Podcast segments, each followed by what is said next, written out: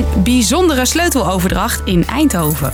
Voor het eerst gaat een Nederlander in een 3D-geprint huis wonen. Het spannendste vind ik dat ik dat zie als een soort van reis. Het ontdekken van zo'n huis, hoe dat voelt. Zo'n tien jaar geleden waren we al helemaal hyped over 3D-printen. Dit zat toen in de tv-uitzending van NOS op 3. 3D-printen, het blijft toch altijd een beetje een ver van je bedshow. Maar toen ging het over kleine dingen. Van schoenen tot autootjes tot uh, treintjes. En nu hebben we het dus over huizen. Waar gaat deze ontwikkeling heen? Ik ben Hilde en ik leg het je uit. Lang verhaal kort. Een podcast van NOS op 3 en 3FM. In de proefkeuken van Verstegen in Rotterdam is de afgelopen tijd in het diepste geheim gewerkt aan 3D footprinting. Lichaamsdelen die uit een 3D-printer komen. Een ziekenhuis in Amsterdam wil daarmee gaan werken. Geloof het of niet, maar dat kan. Wapens printen. Je hoort het: eten, lichaamsdelen en zelfs wapens. Het is niet zozeer meer de vraag wat er wel geprint kan worden in 3D, eerder wat kan er niet. In Eindhoven is nu dus een huurwoning uit de 3D-printer gerold. Een soort grote zwerfkei, vrijstaand, gelijkvloers, met alles erop en eraan. Een ruime woonkamer, twee slaapkamers en een oppervlakte van 94 vierkante meter. Een hoogleraar legde eerder al uit hoe ze dat 3D-printen gingen aanpakken. Stel een plattegrond voor, plattegrond van een woning. Laagje voor laagje begint hij op de grond en print hij een laagje beton. En dat gaat dan steeds hoger tot de verdiepingshoogte. Dan de vloer printen en dan weer door. Voordeel van geprinte woningen is dat ze in principe een stuk sneller gebouwd kunnen worden dan normale woningen. Handig, aangezien er te weinig huizen zijn. We kunnen dus gerobotiseerd gaan bouwen. Veel sneller, 24-7. En doordat er minder beton nodig is, is het ook duurzamer. Normaal maak je met beton een mal en die giet je helemaal vol. Maar dat beton heb je niet allemaal nodig. Dus met een printer kan je dat heel precies neerleggen. Je kunt dus gewoon veel minder materiaal gebruiken. De 3D-printer kan dus onze manier van leven veranderen. Maar het is ook de bedoeling dat er levens mee gered worden. In de medische industrie wordt de techniek al volop gebruikt. Zo is er een hond met 3D-geprinte benen. It is 3D printer prosthetic legs. En deze jongen heeft een hand uit een 3D-printer waarmee hij kan tennissen. Ik ben dus geboren met een uh, knuisje.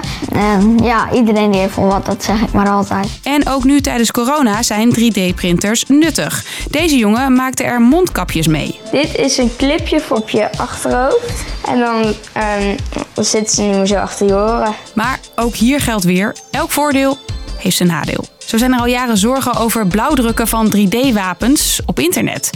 Zodat je ze zelf kan maken. These ghost guns are the new wave of American gun violence. Student Cody Wilson wist als eerste op die manier een werkend pistool te bouwen. When somebody downloads a gun from your website with your blueprints and kills somebody with it, how are you going to feel personally? I'm no different from a publisher of information. En dat de zorgen over 3D-wapens terecht zijn, bleek afgelopen maand nog. De Spaanse politie heeft op Tenerife een illegale fabriek opgerold waar wapens werden gemaakt met 3D-printers. Je weet nu wat 3D-printen is en wat er allemaal mee gemaakt kan worden op die manier. Maar waar gaat het ons nou brengen? We kunnen huizen printen, maar het is nog niet zo dat er in elk huis zo'n printer staat.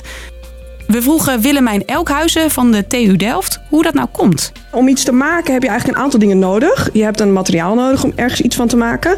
En je hebt een bestand nodig, een digitaal representatie van wat je wil maken. En je hebt een aanpak nodig om iets te maken, in dit geval dan een printer. Al die drie dingen zijn op zichzelf al best wel complex. Als er een theekopje valt, kopen veel mensen dus liever een nieuw theekopje voor een paar euro dan dat ze zelf moeilijk gaan doen met een 3D-printer. Het zijn vooral de grote bedrijven die er gebruik van maken. Er zijn ook voorbeelden in de, in de auto-industrie waarbij bijvoorbeeld onderdelen van auto's al 3D-print worden.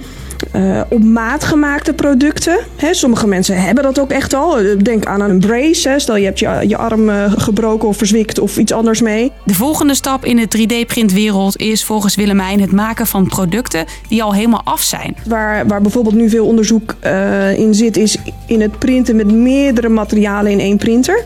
Dus waarbij je bijvoorbeeld niet alleen de buitenkant kan printen, maar bijvoorbeeld ook de elektronica direct mee zou kunnen printen in dat product.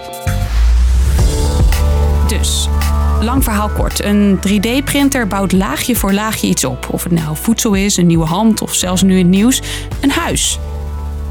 Minder gunstig, je moet met verschillende factoren rekening houden voordat je kan beginnen. En criminelen kunnen met een 3D-printer zelf wapens maken. De 3D-printindustrie is in ieder geval nog volop in ontwikkeling. De volgende stap: kant-en-klare producten afdrukken. En dan is mijn laatste stukje tekst niet geprint. Iets met inkt die op is, volgens mij. Nou, doe ik het wel even uit mijn hoofd. Ehm, na het weekend zijn we er natuurlijk weer. En feedback en ideeën mailen, dat kan naar lvk.nos.nl. Doei! Oh, en Chris Segers wil nog even wat zeggen.